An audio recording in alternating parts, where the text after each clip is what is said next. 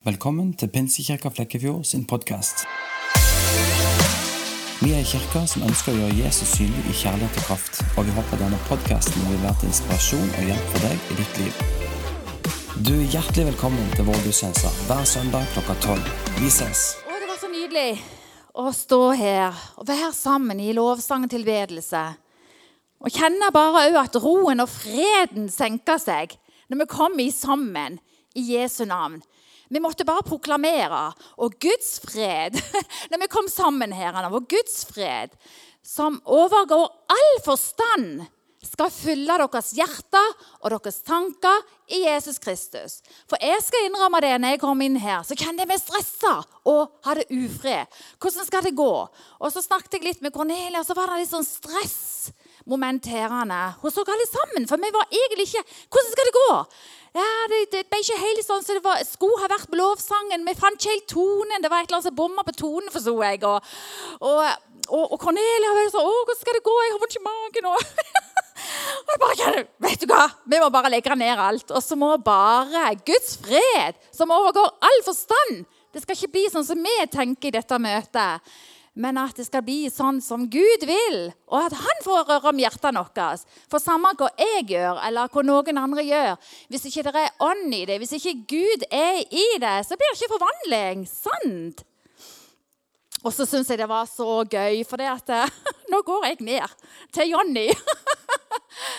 Litt utradisjonell taler, men jeg har bare lyst til å si noe. For når jeg sto her bak og snakket med Jonny Vet dere hvem Jonny er? Jonny, du må presentere deg. Jonny? Det er Jonny Stang. Jonny Stang. Og vet dere hva? Jeg har sett Jonny i så mange år. Jeg har sett han helt siden jeg flytta til Flekkefjord. I 35 eh, år så jeg visste hvem Jonny Stang var. Og Han er oppvokst i Stangsvingen. Dere kjenner Stangsvingen? I det gule huset på Skråningen. Der bodde foreldrene hans. Og Jeg ble kjent med foreldrene dine på Mega, for de handla hver fredag. så kom de på Mega handla. Så skjønner foreldre. Men Jonny kjente jeg ikke. Men i sommer så begynte du Kanskje du hadde begynt før, men det var da jeg så at du kom og begynte å drikke kaffe i kafeen. Ja, det gjorde jeg. Ja. ja. Og nå har jeg gjort det til en fin, god vane at jeg må ned der hver eneste morgen. Hvorfor må du det? Jo, for jeg, jeg har det behovet for å få det, den andakten om morgenen og høre om Guds ord.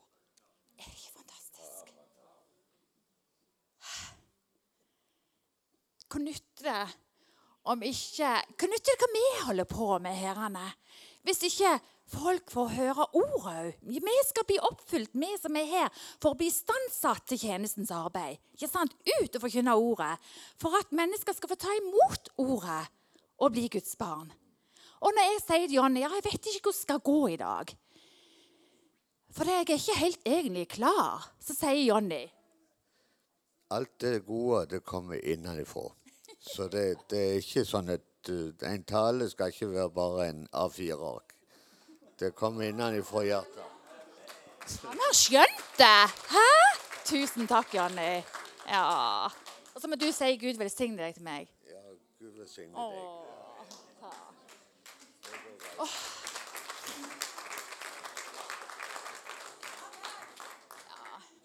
Dette er så fantastisk. Ja, Janni, neste gang er det din tur å tale. Kanskje du kan holde et vitnesbyrd, i alle fall. Begynner med det, ja. Det er dette som er livet, kjenner jeg. At folk får et møte med Jesus på innsida. At det ikke blir bare en teori. Sant vel? At det ikke blir bare ord, men det er nytt liv som fødes fram inni oss så har vi blitt kjent med så mange i det siste. Det har skjedd noe på kafeen. Det er på en måte en, en vekkelse. Det er noe som skjer i byen vår. Og det er så gøy å være der ute og se at folk får møte Jesus, og at de kjenner at det er et liv som vekkes opp på innsida av dem. Det inspirerer meg enormt eh, det er ei dame som jeg har blitt kjent med, som eh, hun hadde sin barnetro. Men nå er hun over 80 år gammel, og så har denne barnetroa blitt vekt opp igjen. Og så har hun begynt å begynne å be. Ikke sant? Hun hører ordet. Som sagt hver eneste morgen i kafeen òg. Hun leser hjemme. Hun har begynt å få et liv sammen med Jesus. Og alle de tingene som hun syns har vært vanskelig før, bekymringer, store bekymringer, hun deler det med oss i kafeen. Hun sier kan dere være med og be for det og det. Det er store ting. Veldig vanskelige ting.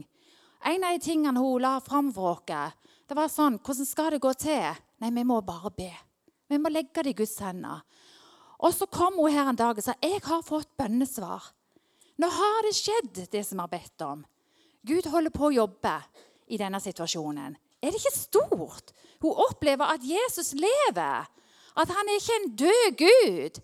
Han er ikke bare en som sitter i himmelen og lurer på hvordan det går med de der menneskene der nede som ikke klarer helt å få det til. Av og til, når jeg vokste opp, så var, hadde jeg litt sånn bilde av Gud at uh, han satt i himmelen, liksom litt sånn med armene i kryss, og så kikket han ned. Om ikke vi mennesker snart skulle klare å få det til.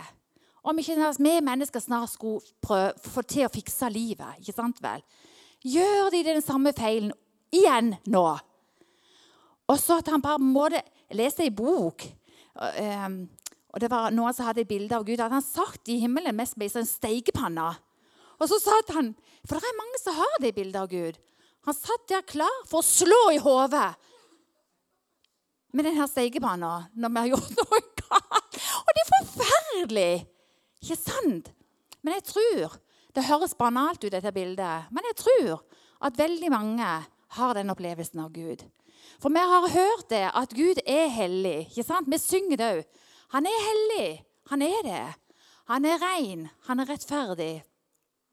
Og så føler vi gjerne ofte at vi når ikke opp til hvem Gud er. Hvordan kan jeg nærme meg Gud når jeg strever både med det og det? Med noen ting kan være små synder, andre kan være store synder. Hvordan kan jeg nærme meg Gud når mitt liv er sånn? Mitt liv er ikke på stell. For det, det er jo sånn at når Gud er hellig, så avskyr han synden, ikke sant vel? Men så er det så fantastisk. For Jesus han kom. Gud tenkte jeg må få ordna opp i det, sånn at jeg kan gjøre det mulig, sånn at mennesker kan ha relasjon med meg, de kan komme i nærheten av meg. Og det gjorde han ved det at Jesus han kom til denne jorda og gjorde Gud synlig. Og han kom for å ta på seg all vår skyld, all vår synd, alt det som ikke vi får til. Det tok han på seg, og så døde han på korset. Han spigra det fast på korset. Og når vi tar imot Jesus, alle dem som tok imot ham, står det i Bibelen, det er et løfte.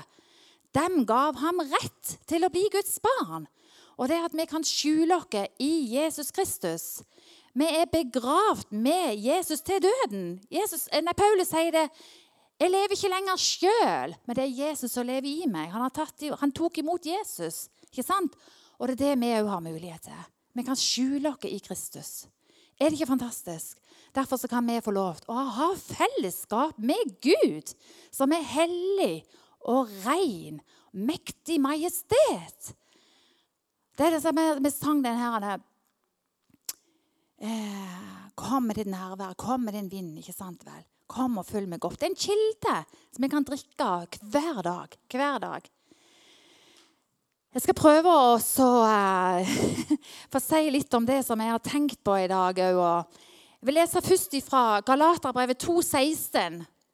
Inge er ny bak prosjektoren. Gi han en klapp. han er litt beskjeden. Han gjemmer seg der bak. Man gjør jo en kjempejobb. Tusen takk, Inge, for at du er villig for det du gjør. Takk skal du ha.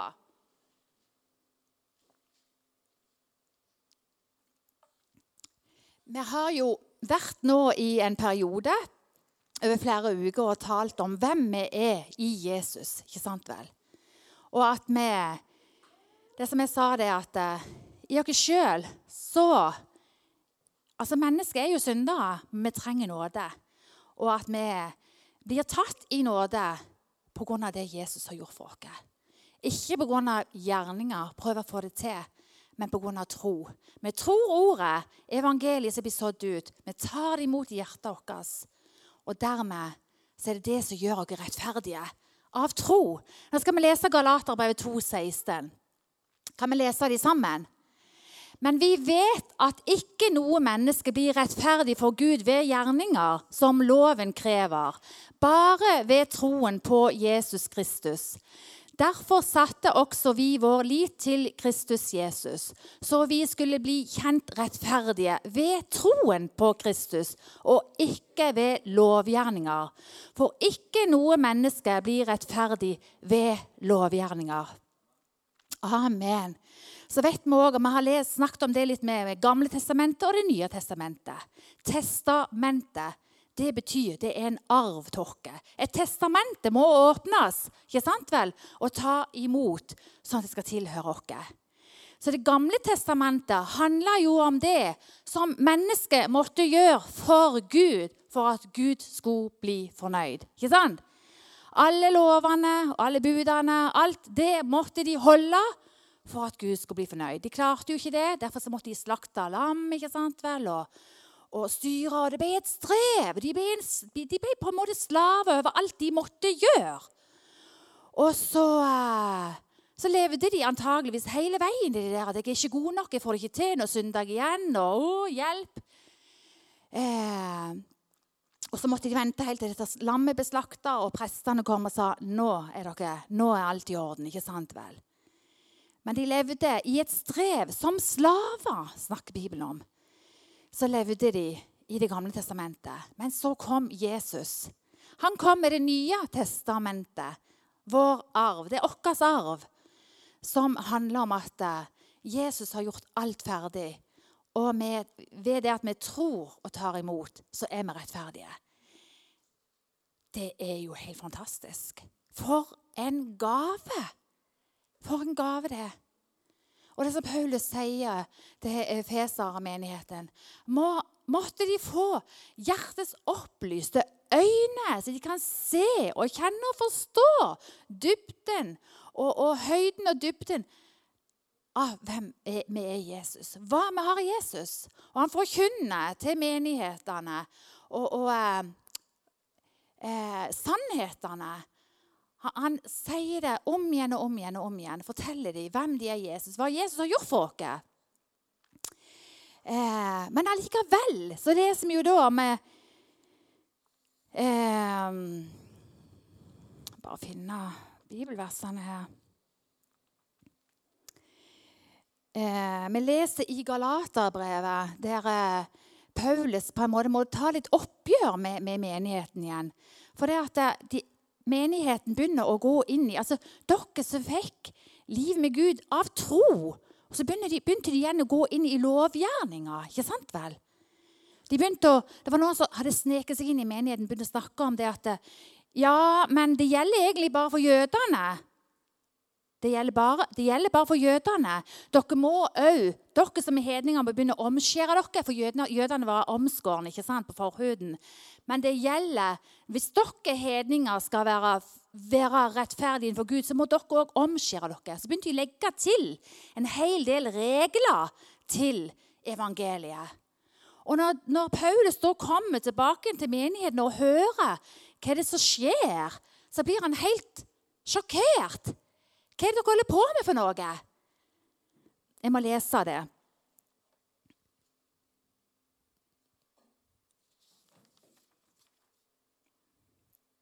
Eh, Efeserbrevet 5, 1-2. Vi skal lese Til frihet har Kristus frigjort dere. Stå derfor fast og la dere ikke tvinge igjen inn under slaveåket. Altså, det står her òg, som jeg skrev opp, hold dere fast på den friheten som dere har fått pga. Kristus. Ikke la noen mennesker tvinge dere tilbake til regelstyrt og bonde liv, der dere presses og tynges ned. Jeg, Paulus, vil forklare dere dette. Dersom dere tror at omskjærelse er avgjørende for å bli godtatt av Gud, ja, da døde jo Jesus Kristus forgjeves for dere. Ikke sant? Så da begynte de å gå inn i det at ja, men vi må jo det, og så må vi det, og så må vi det. For at vi skal være gode nok. For det var jo det de var vokst opp, med. Hele deres historie var jo bygd på det alt de måtte gjøre for Gud. Alle lovgjerningene. Det lå veldig i kulturen, i ryggmargen deres. Alt de måtte gjøre for Gud. Men nå er det en ny, en ny pakt. Det er noe nytt som har skjedd. Jesus kom jo for å lage en ny avtale. Og Nå handler det bare om å tro og ta imot. Og så handler det ikke om at dere må gjøre det og det og det. og det. Dere må ikke omskjæres. Dere må ikke for å fortjene frelsen. Og Det var det Paulus måtte minne galaterne om igjen. Og Han sendte dette brevet ut til alle de kristne. Det handler bare om tro alene. Um, Jeg, eh, jeg, tenkte på det òg når jeg hadde forberedt meg ofte. Jeg snart sa det litt her i stad om at uh, når jeg vokste opp òg, så var det veldig mye veldig mye lovgjerninger. Det er så løye. For det at vi, vi, tror på en måte vi må gjøre litt sjøl òg. Vi må jo legge til noe, vi må jo skjerpe oss. Vi må jo gjøre så godt vi kan. Vi må jo gjøre noe for at, å fortjene frelsen, for å være kristne. ikke sant vel? Vi må jo gjøre noe. Og var, Jeg vet ikke mye hvordan mange tenker nå i dag, hvordan du tenker. Men jeg har mine ting mange ganger jeg må gå igjennom.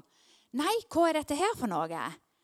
Er det en lov? Er det en lov? Er det en regel? Er det religiøsitet? Er det loviskhet nå? Ikke sant vel? For tankene sniker seg mange ganger inn. Men da jeg vokste opp, så var det litt sånn at uh, Arild sier her i Flekkefjord da, så var det synd å plystre. altså, Det var litt forskjellige regler fra plass til plass, egentlig. det var ikke en regel som sto i Bibelen. Ikke sant vel? Men det var, hos oss var det, liksom, det var synd å bruke saks på søndagene. Det var synd å strikke, det var synd å gå på kino. Det var synd å se på Detektimen. Ikke sant? Det var så mye som var synd. Eh, eh, noen kan le av det, for det, jeg vet ikke hvordan det var i Polen eller hvordan det var i Pakistan eller Singapore. Men det var dette vi vokste opp med. Alt det som var galt. Og det var sånn at Jeg følte meg mer syndig når jeg gikk forbi kinoen. Må ikke gå sånn, ja, for det, Jeg må ikke gå så nærme at jeg så hva som var plakaten. For tenk hvis du skulle bli frista. Er det gjenkjennelig? Eller hadde ikke dere det sånn? Det var Hæ? Vær nå ærlige!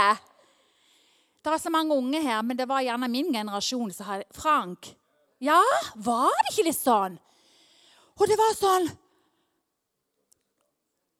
ja, vi er ikke steingamle.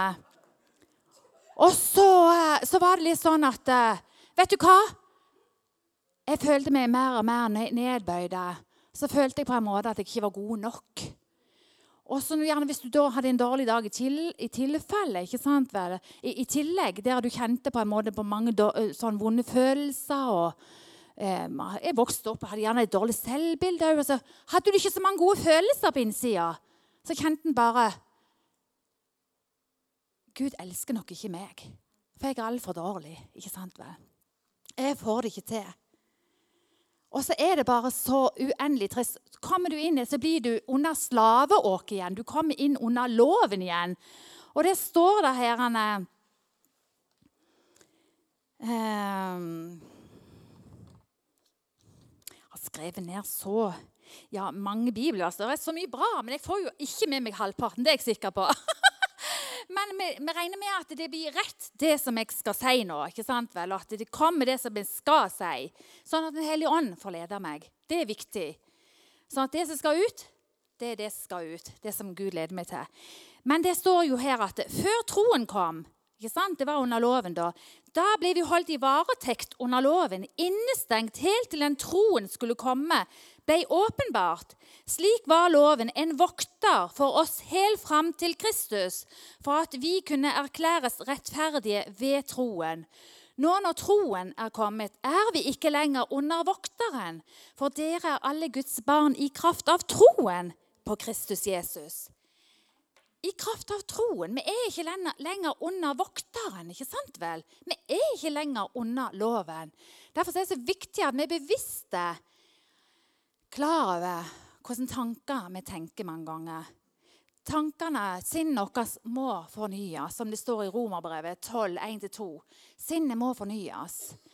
Mye av det som jeg vokste opp i, min tankegang, mine egne tanker mange ganger, gjerne ikke ting som folk har sagt til meg, gjorde at jeg ble på en måte slave under mine egne tanker. ikke sant? Og, og, eh, og derfor så ble jeg nedbrutt og sliten. Og, og eh, hvem er jeg? Ikke sant vel? Men at ordet, det må fornye oss. Sånn at vi får de rette tankene, vi får de sanne tankene om oss sjøl, om Gud og om andre mennesker. Det er så viktig. For det du er du er ikke lenger under vokteren. Lenge du har tatt imot Jesus for det at du tror Vet du, han er min, og ikke du føler så mye. Det begynner med det lille frøet. ikke sant? Det lille spirekraftige frøet. Og bare proklamere ut at 'jeg tilhører Jesus', 'jeg er Guds barn'. Og så vokser livet fram mer og mer innenfra, som Jonny snakka om her i stad.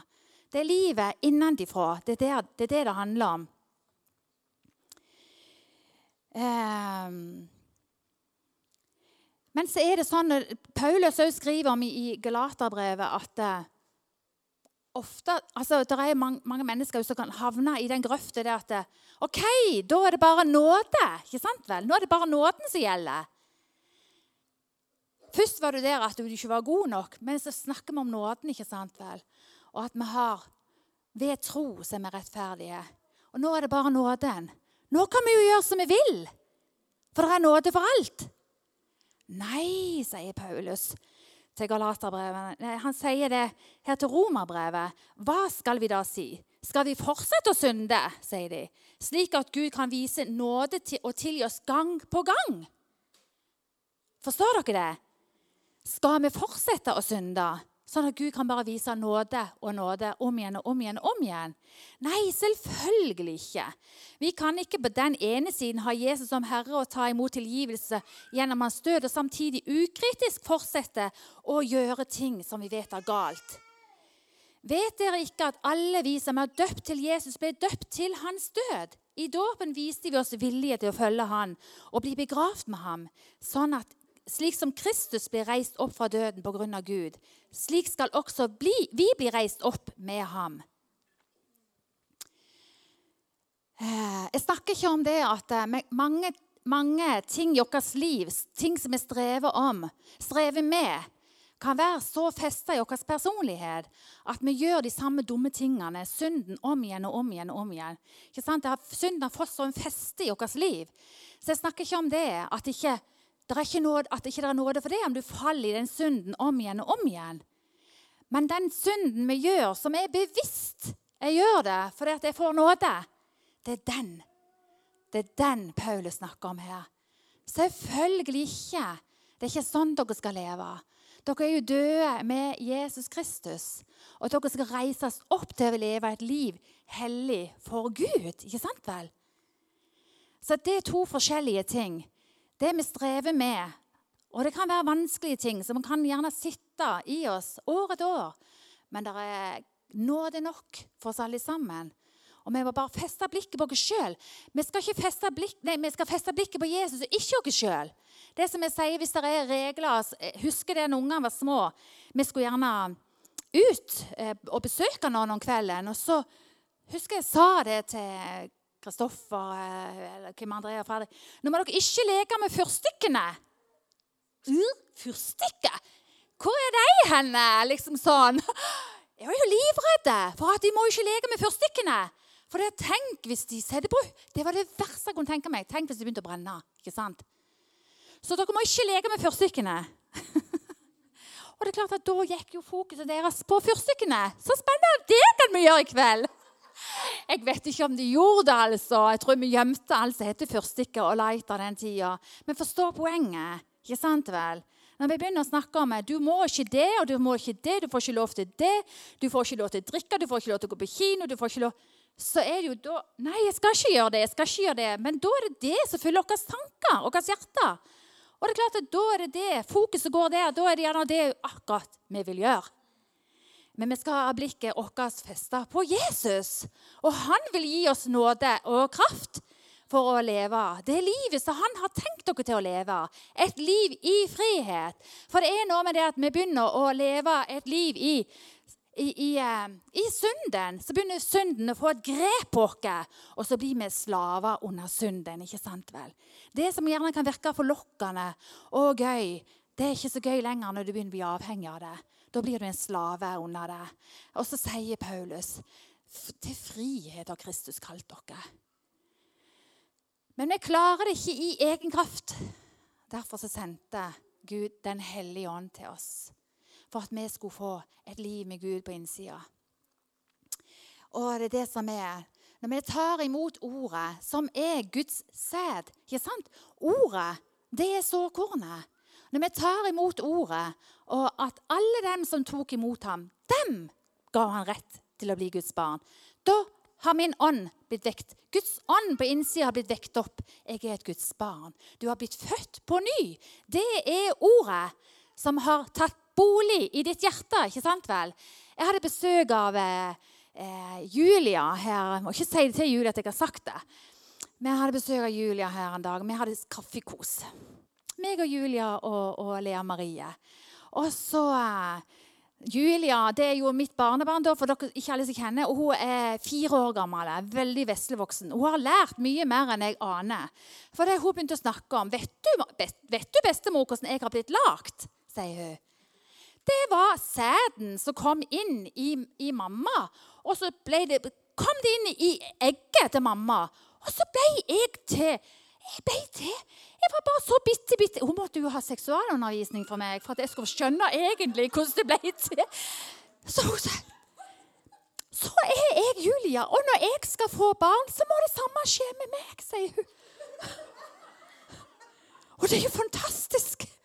Og så ble det bare sånn. Jeg ble bare Julia. Og vet du hva? Er det ikke det som er så fantastisk med Guds ord? Snakker, Jesus han snakker om seg sjøl. Han er sårmann, og han sår ut ordet. ikke sant? Noe falt på steingrunn, men det som falt i god grunn, i hjertet vårt Vi tok imot det, det vokser opp til liv. Det blir liv av seg sjøl. Ikke fordi jeg skal streve for å bli hellig og rettferdig. Du er hellig og rettferdig. Du er et liv som spirer fram, og så vokser det mer og mer i deg bare pga. Guds nåde, bare pga. Hans kjærlighet. Ta imot ordet. Vi må leve i ordet, drikke av ordet, ikke sant? spise av ordet. Jesus sier 'Jeg er livets brød'. Og brødet, ikke sant? Ordet er brødet. Og eh, Det er bare å ta imot det. Livet spirer ikke fram fordi du krampaktig. Vi som er damer, for at vi er krampaktige, må jo få det til livet til å spire fram. Nei! Det er fordi det har skjedd allerede et liv, og så vokser det fram. Bare på grunn av Guds nåde.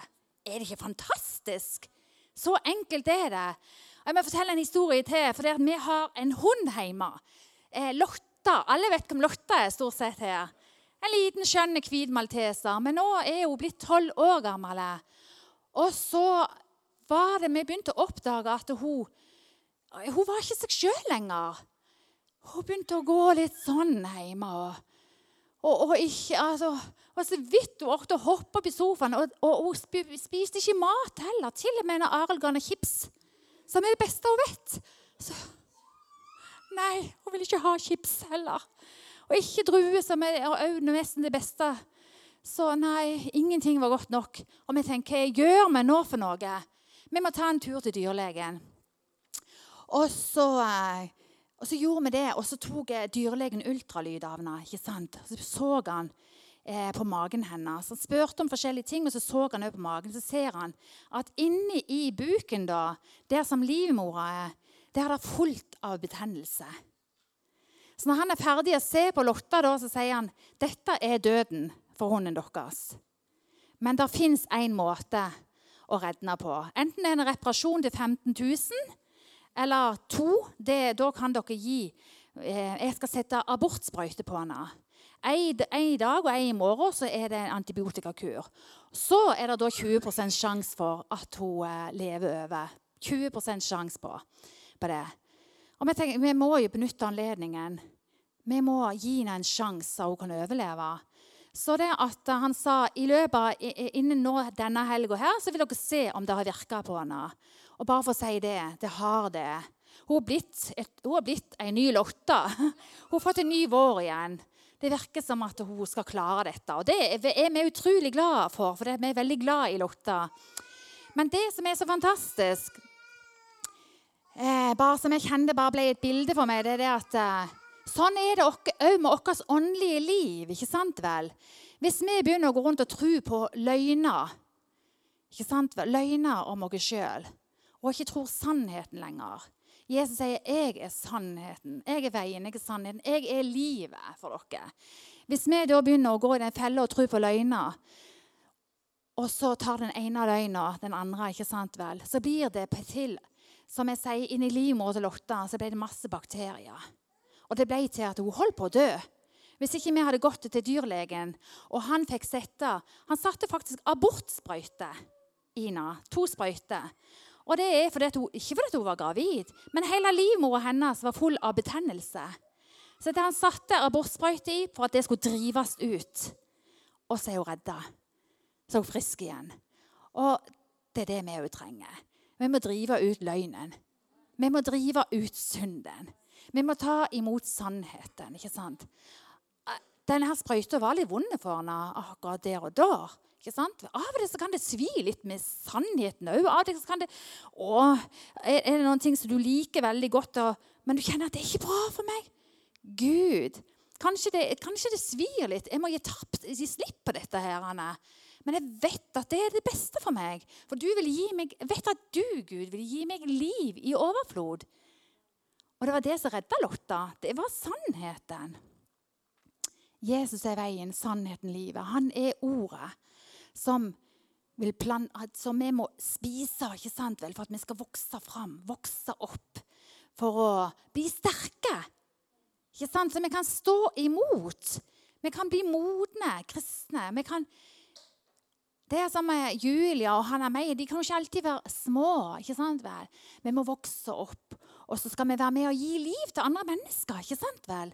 Vi skal være et lys og vitne om Jesus til andre mennesker. Men det gjør vi bare i kraft av den nåde som er gitt dere, allerede gitt dere. Det er det relasjonen med Jesus. Ikke sant vel? Det er det som er så viktig. At vi kan få sitte ned ved kilden hver eneste dag og bare drikke av kilden. Drikke av nåden hver eneste dag. Så om du kjenner at jeg ikke er god nok Nei, det er ingen det. Derfor er det så viktig å kjenne Guds ord. For det er ingen fordømmelse for den som er i Jesus Kristus. Du er i Jesus Kristus. Helt til du på en måte en dag sier at 'nei, nå vil jeg ikke jeg vil ikke være din lenger'. Jesus sier det ut. Ja vel, OK, Gud tvinger ikke noen. Men eh, tanken min er bare det at eh, om du skulle følelsene dine gå opp og ned, så handler det ikke om det. Det handler ikke om hva du føler, for hva er sant? Du er født på ny. Du er Guds barn fordi du tror. Og så kan vi gjerne føle at troen vår er liten av det. Men den vokser mer og mer i det at vi tar til oss ordet. Vi er sammen med andre kristne sant? som oppmuntrer oss, som inspirerer oss. Og, og, så vokser livet bare mer og mer fram. Og jeg tenker òg på eh, Det handler ikke om dette her å prøve altså regler og bud og og, og, prøve å få det til. Det, det, må vi bare glemme. Det handler om dette livet med Jesus, denne relasjonen. Det står at I 1. Korinterbrev 1 så står det Gud er trofast. Gud er trofast, for han har kalt dere inn i samfunnet med sin sønn Jesus Kristus. I samfunn med Jesus Kristus. Samfunnet handler et fellesskap med Jesus. Intimiteten med Jesus. Det å leve med han og vandre med han, drikke av han. Og, og, og, det er det som gjør at uh, Paulus sier, 'For meg er livet Kristus, og døden er vinning'. Han satt i fengsler veldig mye av sitt liv. Han ble piska og torturert. For det var på en måte det at uh, du må fornekte din Gud. ikke sant vel? For det er mange av de var sånn Det er loven som gjelder. ikke sant vel? Det er lovgjerninger. Men eh, Paulus hadde blitt kjent med Jesus. Han, jo, han var der sjøl. Han var jo etter alle de kristne. Han skulle ta dem. Det var en, sånn, altså, han bare ble så nidkjær. Jeg skal ta dem. ikke sant vel? De har ikke forstått det. Det er jo helt galskap, det de holder på med, de kristne. ikke sant vel? Eh, men en dag når han var på sin hest ikke sant vel, og skulle etter de kristne og, og, og ta dem, ikke sant vel, og, og, eh, så blir han slått i bakken av Guds kraft. Og der mens han ligger der, den her soldaten som er så sterk i seg sjøl, har så mange meninger, så blir han bare møtt av Guds kraft. Og bare Jesus som sier den, 'Saul, Saul, hvorfor forfølger du meg?' Og der får han virkelig bare et møte med Jesus. Så sier Saul, 'Hvem er du?' 'Jeg er Jesus, han som du forfølger.' Og der får han et møte med Jesus. Eh, og der begynner det nye livet med Jesus for Paulus. Og Det gjør at han òg vokser. Han gikk i en lang periode før han gikk i flere år før han ble en evangelist og en budbærer for evangeliet. Men han ble så hekta på Jesus. Han ble så vet du, For meg er livet Jesus, og døden er en vinning. ikke sant vel? Det, det betyr ingenting. Om de kaster meg i fengsel, om de torturerer meg, pisker meg, vet du, det betyr ingenting. For den er jeg døden er jo bare en vinning, for da får jeg jo komme hjem og være sammen med Jesus og bare ha det godt. Da slipper jeg på en måte all den turturen. Men han ønska det han ville, hans kall, var å bre ut evangeliet. Bre ut livet med Jesus. Så han ønska å være trofast, være i tjeneste for Gud så lenge han var på jorda. Enda til han satt i fengselet, så var det ikke om omgivelsene. Eh, han satt i det innerste fangehullet, leser vi om. Og han satt lenker på hender og føtter. Så var det ikke det hadde ikke en innvirkning på hans indre liv. Han begynte å synge lovsanger. Ikke sant vel? For det, at det står jo 'gleden i Herren'. Det er min styrke. Han begynte å synge lovsanger til Gud. Og når han begynte det, så fikk han ny kraft. Og det ble så mye kraft at lenkene faktisk datt av han. Det er ikke alltid vi leser det, at folk som sitter i fengsel for Guds skyld. Men akkurat der så sprang lenkene, det ble et jordskjelv.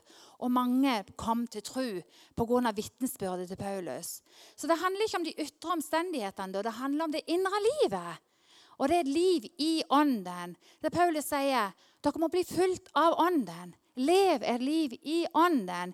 Ikke lev et liv for Gud for at dere skal være gode nok. Dere er gode nok. Dere har fått Guds ånd. Lev et liv for Jesus ut ifra det livet dere har inni dere.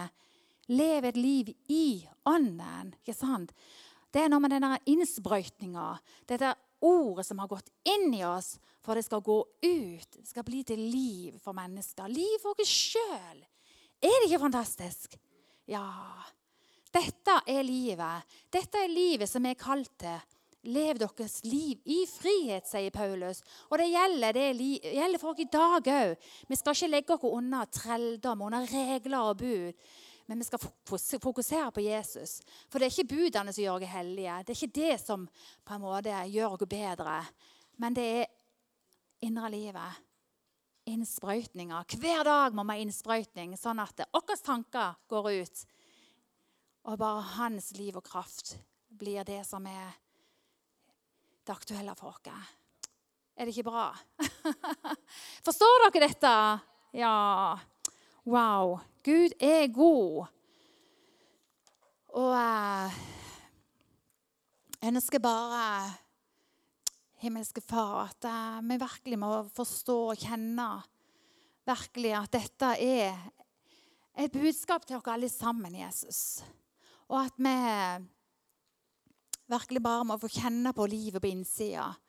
At det skal bli levende for oss. At det skal bli, det skal bli et liv som går og som blir, blir til velsignelse òg for oss sjøl og for andre mennesker. Herre. Takk for at du ikke kalt dere inn til et liv i trelldom, men et liv i frihet. Jeg bare ber om at vi mer og mer, meg sjøl òg, og alle sammen, skal virkelig få kjenne at eh, du lever i vårt hjerte ved vår tro. Og at det er det som skal bære oss gjennom livet og gjennom hverdagene. Så når ting og omstendigheter rundt oss bare er shaky og er vanskelig og utfordringene er store, så kan vi bare få lov til å peke på deg, Jesus. Og så kan vi bare få lov til å ta fast i løftene og minne oss om at ditt ord er sant. Alle løftene gjelder oss. Det er vår arv. Alle løftene tilhører oss. De er våre bare pga. deg, Jesus. Takk for at du bor i vårt hjerte. Og bare velsigne alle de som er her, Jesus. Og må du, Hellige Ånd, bare åpenbare mer og mer hvem vi er i deg, Jesus. Og eh, hva det betyr for vårt liv og hverdag. Så vi kan vokse opp og bli mer og mer lik deg, Jesus. Vi klarer det ikke i egen kraft. Vi klarer det bare ut av den kraften som bor i vårt indre. I Jesu navn. Amen. Mm.